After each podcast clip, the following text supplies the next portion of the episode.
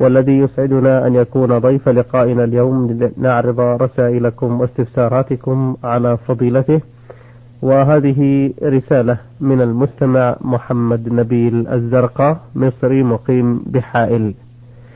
يقول احتجت في يوم ما إلى مبلغ من المال فأعطاني صديق ذهبا لكي أبيعه لسد حاجتي وطلب مني أن أرد له قدر وزن الذهب ذهبا آخر جديدا وأن أضيف للوزن عددا من الجرامات يعطيني قيمتها نقدا. فمثلا أعطاني ذهبا مستعملا وزنه خمسين جراما على سبيل الدين وطلب مني أن أرد له هذا الوزن ذهبا جديدا أو وأن أضيف للوزن ثلاثين جراما ذهبا جديدا يعطيني قيمتها نقدا. وقد اتفقت بدل أن يعطيني قيمتها نقدا أن ينقص قدرها من الذهب القديم. فهل في مثل هذا التعامل إثم أم يجوز؟ الحمد لله رب العالمين وأصلي وأسلم على نبينا محمد وعلى آله وأصحابه أجمعين. أما بعد فإن القرض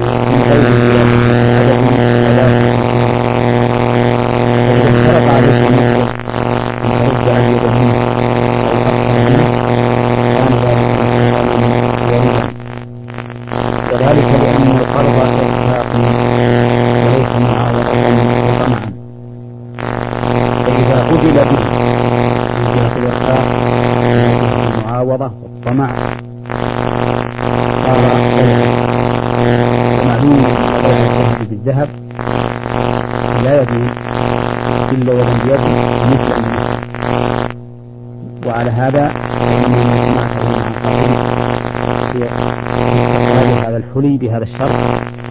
محرم. ولا يجب عليك الآن إلا أن ترد له مثل ما والذي افترض عليك من الزيادة يعتبر الشرط الباقي لا يجوز لك الوفاء. فضلا عن كونه يجب عليك الوفاء. به فعليكم جميعا أن تلتزم بما شرط الله ورسوله. فإن رسول الله صلى الله عليه وسلم يقول كل شرط ليس في كتاب الله فهو باطل وإن كان من شرط قضاء الله أحق وشرط الله أوثق.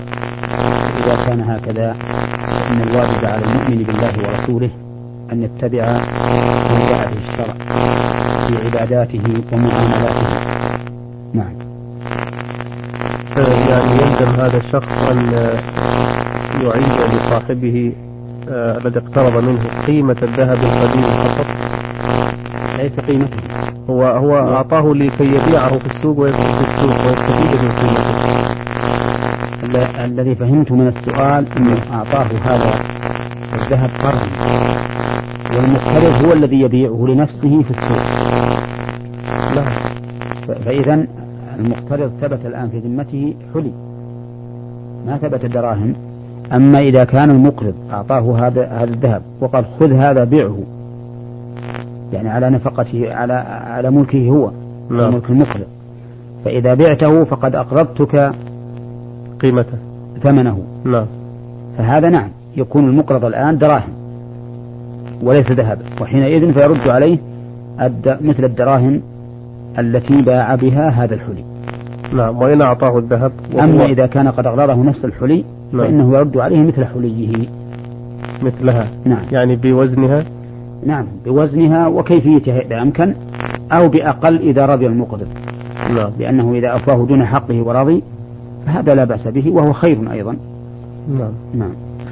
جزاكم الله خيرا. هذا المستمع بوعيطة فوضيل من الجزائر آه، يقول في القرية التي أقيم فيها بعض العادات توشك أن توقعنا في خطر كبير.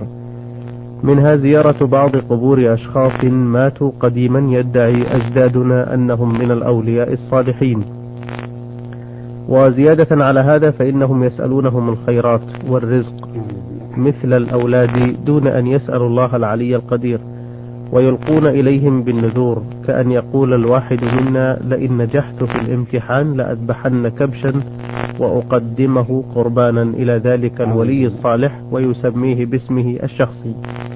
وفعلا فهم يوفون بالنذر فهل يجوز هذا أم لا؟ وما هي نصيحتكم لهم؟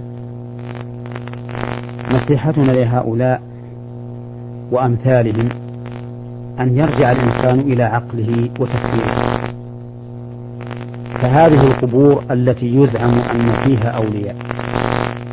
تحتاج إلى إثبات أنها قبور أولا إذ قد يصنع شيء في القبر ويقال هذا قبر فلان. كما حدث ذلك. ثانيا إذا ثبت أنها قبور فإنه يحتاج إلى إثبات أن هؤلاء المقبورين كانوا أولياء لله. لأننا ما ندري هل هم أولياء لله أم أولياء للشياطين ثالثا وإذا ثبت أنهم من أولياء الله فإنهم لا يهابون من أجل التبرك بزيارتهم أو دعائهم أو الاستغاثة بهم أو الاستعانة بهم في هذه الأمور. وإنما يزارون كما يزار غيرهم للدعاء لهم فقط. على أنه إذا كان في زيارتهم فتنة فإنه لا تجوز زيارتهم لو كان في زيارتهم مثلا خوف فتنة بالغلو فيهم فإنه لا تجوز زيارتهم دفعا للمحظور ودرعا للمفاسد. فأنت يا أخي حق هذه الأمور الثلاثة التي ذكرت لا بد أن ثبوت القبر ثبوت أنه ولي. ثالثا الزيارة لا لأجل الاستعانة بهم ولكن لأجل الدعاء لهم لأنهم الآن في حاجة مهما كانوا فهم في حاجة إلى الدعاء لهم. أما هم فهم أموات جثث لا ينفعون ولا يضرون. ثم إن إننا قلنا إن زيارتهم لأجل الدعاء لهم جائزة ما لم تستلزم محظورا فإن استلزمت محظورا بحيث يغتر بهم فإن زيارتهم لا تجوز. أما من زارهم على وصف الذي ذكره السائل ليستغيث بهم أو نذره نذر لهم فذبح لهم فإن هذا شرك أكبر مخرج عن الملة. يكون صاحبه به كافرا مخلدا في النار. سؤاله الثاني يقول ألاحظ أن غالب أفراد المجتمع اليوم استبدلوا تحية الإسلام المشروعة على بعضهم بقولهم صباحا صباح الخير ومساء مساء الخير فما رأيكم في هذه الظاهرة وهل تكفي عن السلام المشروع. هذه الظاهرة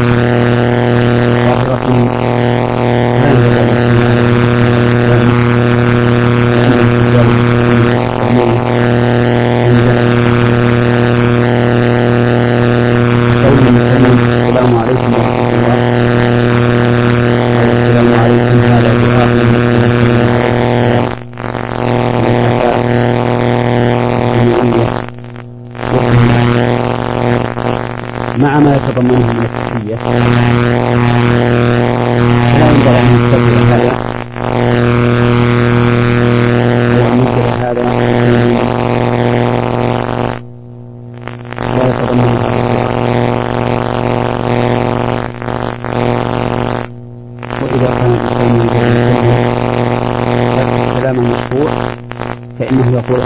عليكم ثم إن شاء قال صباح الخير أو مساء الخير أو كيف أصبحت أو كيف أمسيت أو ما أشبه ذلك.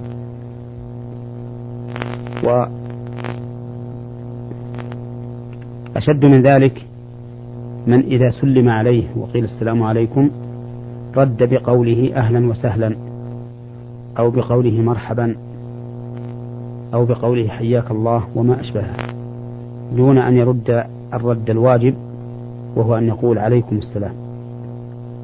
لأن الله يقول سبحانه وتعالى وإذا حييتم بتحية فحيوا بأحسن منها أو ردوها. ومن دعا لك بالسلام ولم ترد عليه مثل هذا الدعاء فإنك ما ما حييته بأحسن ولا رددت عليه تحيته. فيجب على من سلم عليه بالسلام المشروع السلام عليكم أن يقول عليكم السلام. نعم. ما حكم البدء بالسلام والرد؟ البدء بالسلام سنة مؤكدة. نعم. وخير الناس من يبدأهم بالسلام. وأما الرد فإنه فرض على من سلم عليه أن يرد. لكن إذا سلم على جماعة فإنه يكفي عن الرد منهم واحد. لأن الرد عند أهل العلم فرض كفاية وليس فرض عين. نعم. آه هذه رسالة بعث بها المستمع عبد الله ياسين عبد الجليل العروضي من الجمهورية العربية اليمنية. آه ضمن رسالته أربعة أسئلة. سؤاله الأول يقول امرأة كان لها ولد وقد أصيب بمرض خطير فنذرت إن شافاه الله من ذلك المرض أن تصوم لله سنة كاملة. وقد شفي ولدها وكبر وتزوج ومضت السنين ولم تستطع الوفاء بنذرها ولم تصم ولا يوما واحدا. فهل لها من مخرج من هذا النذر بكفارة ونحوها؟ الجواب على هذا أولا ينبغي أن يعلم بأن النذر مكروه بل إن بعض أهل العلم حرمه لأن النبي صلى الله عليه وسلم نهى عن النذر وكم من إنسان نذر نذرا ثم إذا حصل ما علق عليه النذر تعب في التخلص مما نذر وربما لا يوفي بما نذر تهاونا وحينئذ يخشى أن يقع فيما قال الله عز وجل ومنهم من عاهد الله لئن آتانا من فضله لنصدقن ولنكونن من الصالحين فلما آتاهم من فضله بخلوا به وتولوا وهم معرضون فأعقبهم نفاقا في قلوبهم إلى يوم يلقونه بما أخلفوا الله ما وعدوه وبما كانوا يكذبون. فلا ينبغي للإنسان أن ينذر مهما كان. والله سبحانه وتعالى يدفع السوء ويجب الخير بدون أن يشرط له شرط. فإذا وقعت في مصيبة أو في بلاء فاسأل الله تعالى أن يرفعه عنك. وإذا أردت خيرا فاسأل الله تعالى أن ييسره لك. أما أن تنذر فكأنما لسان حالك يقول إن الله لا يعطي إلا بشرط وهذا أمر لا ينبغي. ولهذا ثبت عن النبي عليه الصلاة والسلام أنه نهى عن النذر وقال إنه لا يأتي بخير وإنما يستخرج به من البخيل. فالنذر لا يجلب الخير لأحد ولا يدفع السوء عن أحد. ولكن البخيل الذي لا يتصدق إلا إذا ألزم نفسه هو الذي ينذر لأجل أن يتصدق. و ونقول ثانيا في الجواب على هذا السؤال هذه المرأة التي نذرت أن تصوم سنة يجب عليها أن تصوم السنة. لقول النبي صلى الله عليه وسلم من نذر أن يطيع الله فليطيعه وإذا كانت لا تستطيع أن تصوم فإنه لا شيء عليها. والله أعلم. أه، هل يجوز أن تصوم السنة أه، متفرقة على عدة سنين؟ يجوز أن تصومها إذا إذا لم تنوي. نعم. أنها سنة متتابعة أو تشترط أو تشترط ذلك. فإن اشترطت أنها متتابعة أو نوت بقلبها أنها متتابعة وجب عليها أن تفي بما نذرت. نعم. أه، لو فرض أنها ماتت قبل أن تكمل نذرها فهل يصام عنها أو يكفر عنها؟ ينظر إن أخرت بتفريط منها فإنه يصام عنها. نعم. وإن أخرت بغير تفريط كما لو شرعت من حين ما وجب عليها النذر ولكنها ماتت قبل فإنها لا فإنه لا يقضى عنها. لا يقضى عنها. نعم. ولا يكفر. ولا يكفر عنها. آه السؤال الثاني يقول وجدنا كتبا مؤلفة في الطب للشيخ جلال الدين السيوطي. فهل كان عالما بالطب إلى جانب التفسير حسب ما تعلمون أم أنه اسم على اسم أو هي منسوبة إليه فقط؟ فإن كنتم قد اطلعتم على شيء منها فما رأيكم فيما اشتملت عليه وخاصة تلك الرموز والطلاسم؟ التي لا تعرف والأحرف الأبجدية العربية والعبرية والأرقام وهذه آه، دواء للجنون وبعض الأمراض الأخرى. أنا لا أعرف عن السيوطي أنه عالم بالطب. نعم. وإن كنت قد قرأت له قديما كتابا يشتمل على عدة علوم منها بحوث في الطب. أما ما ذكره السائل من هذا الكتاب الذي فيه الطلاسم باللغات العبرية والعربية وغيرها والحروف وما أشبهها فهذا لا أعرف عنه شيئا ولكن يجب أن يعلم أنه لا يجوز الاستشفاء بأمر لا يعرف معناه. فهذه الحروف التي لا يدرى ما هي وهي عبارة عن طلاسم معقدات وأشياء لا تعلم لا يجوز لأحد أن يتداوى بها. ولا يستشفي ولا يستشفي بها وإنما يستشفى بالكتابة المعروفة التي لا تنافي ما جاءت به الشريعة. نعم. آه السؤال الثالث يقول ما الحكم في تاجر يبيع الأشياء بأسعار مختلفة للناس ولو كانت السلعة هي نفسها؟ فيبيعها لواحد مثلا بعشرة ريال وللآخر بعشرين ولثالث بخمسة وهل مثل هذا يجوز أم لا؟ إذا كان هذا الاختلاف بسبب اختلاف السوق وأن هذه السلعة تزداد يوما وتنقص يوما فهذا لا بأس به أن يبيع بسعر بسعر السوق وليس في ذلك محذور. وأما إذا كان هذا هذا الاختلاف فيما يبيع به إنما هو من أجل شطارة المشتري.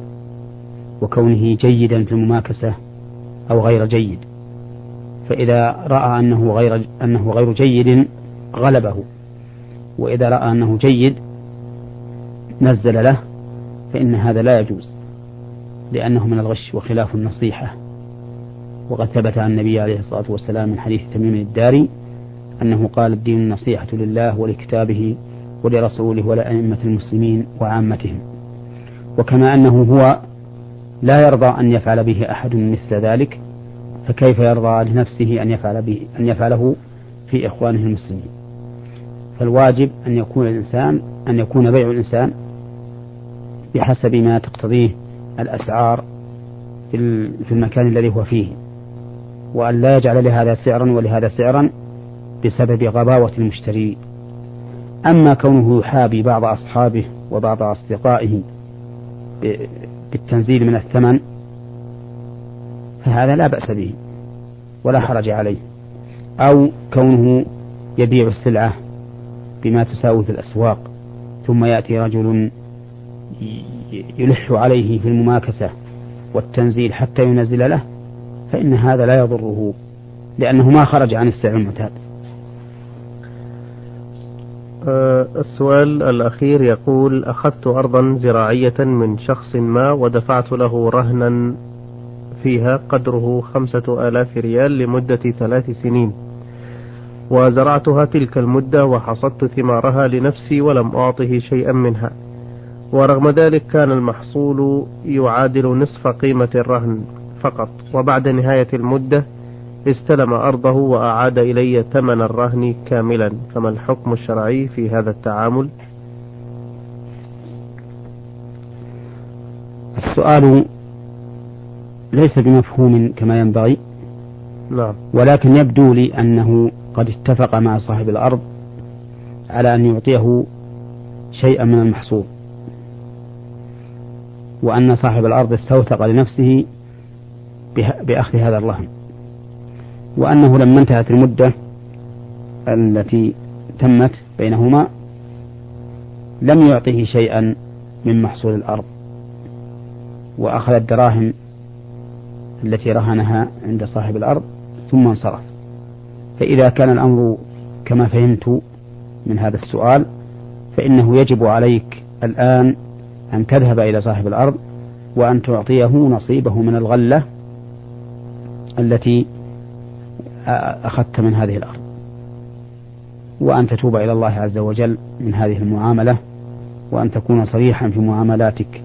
لا تخفي معاملة على أخيك المسلم الذي جرى بينك وبينه مثل هذه المعاملات. لو فرضنا أنه لم يكن بينهما شرط أن يعطيه شيئا من المحصول وإنما صاحب الأرض يعني ليس له قدرة على زراعتها فأعطاها هذا الشخص وأخذ منه هذا الرهن. في ظني أن هذا غير ممكن لأنه الرهن لماذا يأخذ رهنا يعني ربما يضمن عدم ادعاء هذا الشخص بعد مضي المدة لأن هذه الأرض له. ما يتصور هذا. هذا لا يتصور. آه هذه رسالة بعث بها السائل أبو يونس من جمهورية اليمن الديمقراطية. يقول ما حكم تأدية صلاة الجنازة على ميت غائب؟ وهل لها زمن محدد أم تجوز في أي وقت ولو بعد مضي زمن طويل على الوفاة؟ الصلاة على الميت الغائب جائزة لكن الغائب في غير البلد جائزة وليس لها مدة محدودة. فليصلي عليه إذا كان لم يصلي عليه من قبل وإن طالت المدة. لكن الذي نرى أنه يصلي عليه إذا كان هذا الميت قد مات في زمن يكون المصلي فيه مميزا. أما لو كان هذا الميت قد مات قبل أن يخلق هذا الإنسان فإنه لا تشرع الصلاة عليه. ولهذا لو قال قائل الآن سوف أصلي على أبي بكر أو على عمر أو على النبي صلى الله عليه وسلم صلاة الجنازة أو على غيرهم مما ماتوا قديما لقلنا إن هذا ليس بمشروع. لكن لو مات إنسان في زمن أنت فيه موجود ومن ومن أهل الصلاة يعني مميزا فإن لك أن تذهب أن تصلي على عليه صلاة الغائب وقال بعض أهل العلم إنه لا يصلى على الغائب إلا في حدود شهر فقط. وما زاد على الشهر فإنه لا يصلى عليه. ولكن الصحيح أنه لا بأس.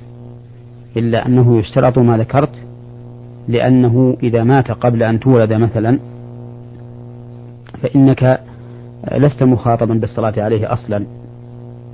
وكذلك لو مات في سن لم تبلغ فيه حد التمييز فإنك لست من أهل الصلاة عليه. نعم. آه، السؤال الثاني يقول في قريتنا مسجد قديم ومندثر وقد عمل بعض الناس عندنا على تخريبه فهدموا جزءا منه ثم توقفوا وقاموا ببيع بعض الأخشاب التي هدمت. ونظرا لحاجتي إلى تلك الأخشاب فقد اشتريت بعضها وانتفعت بها في بناء بيت لي فهل علي شيء في ذلك؟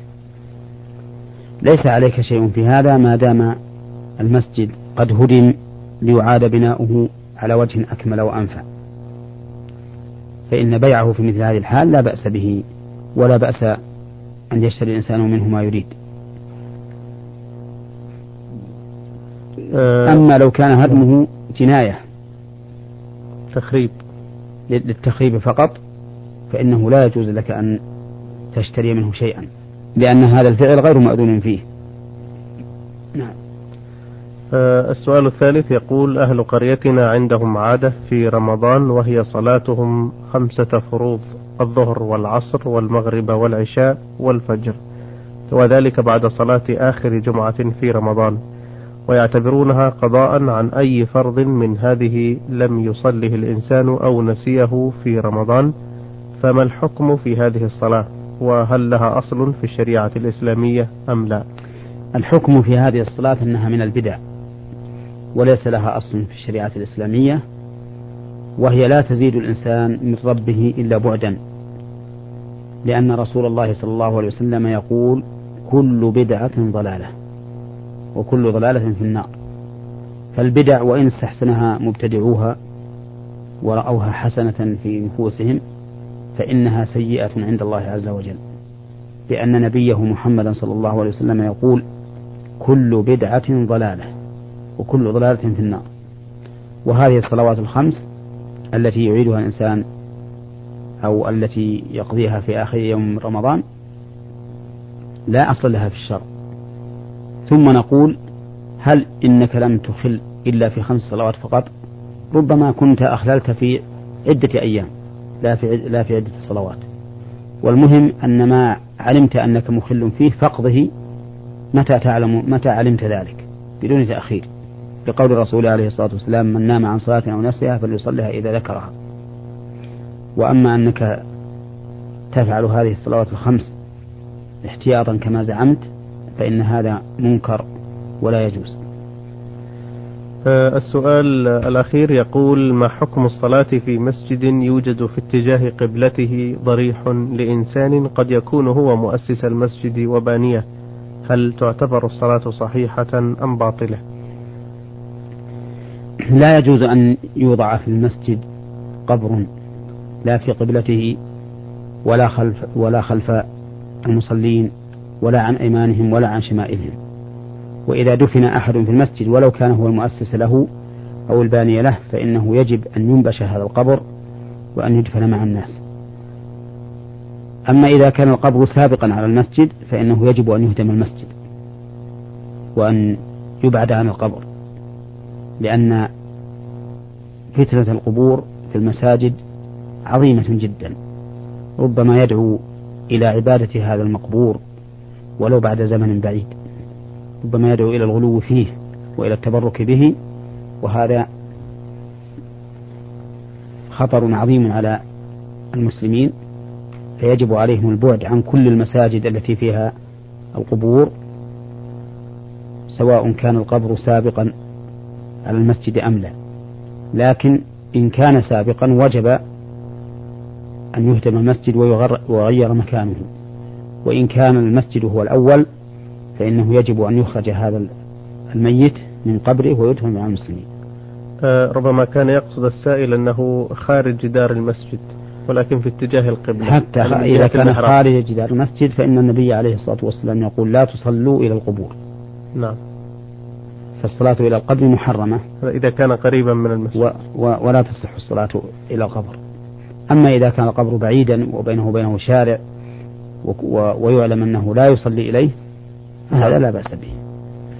بارك الله فيكم. أيها الإخوة الأعزاء في نهاية هذا اللقاء نشكر الشيخ محمد بن صالح العثيمين المدرس بكلية الشريعة بجامعة الإمام محمد بن سعود الإسلامية بالقصيم وإمام وخطيب المسجد الجامع الكبير بعنيزة على تفضله بالإجابة عن أسئلتكم في حلقتنا اليوم حيث استعرضنا رسائل الإخوة محمد نبيل الزرقاء مصري مقيم بحائل والمستمع بوعيطة فوضيل من الجزائر والمستمع عبد الله ياسين عبد الجليل العروضي من الجمهورية العربية اليمنية والمستمع أبو يونس من جمهورية اليمن الديمقراطية.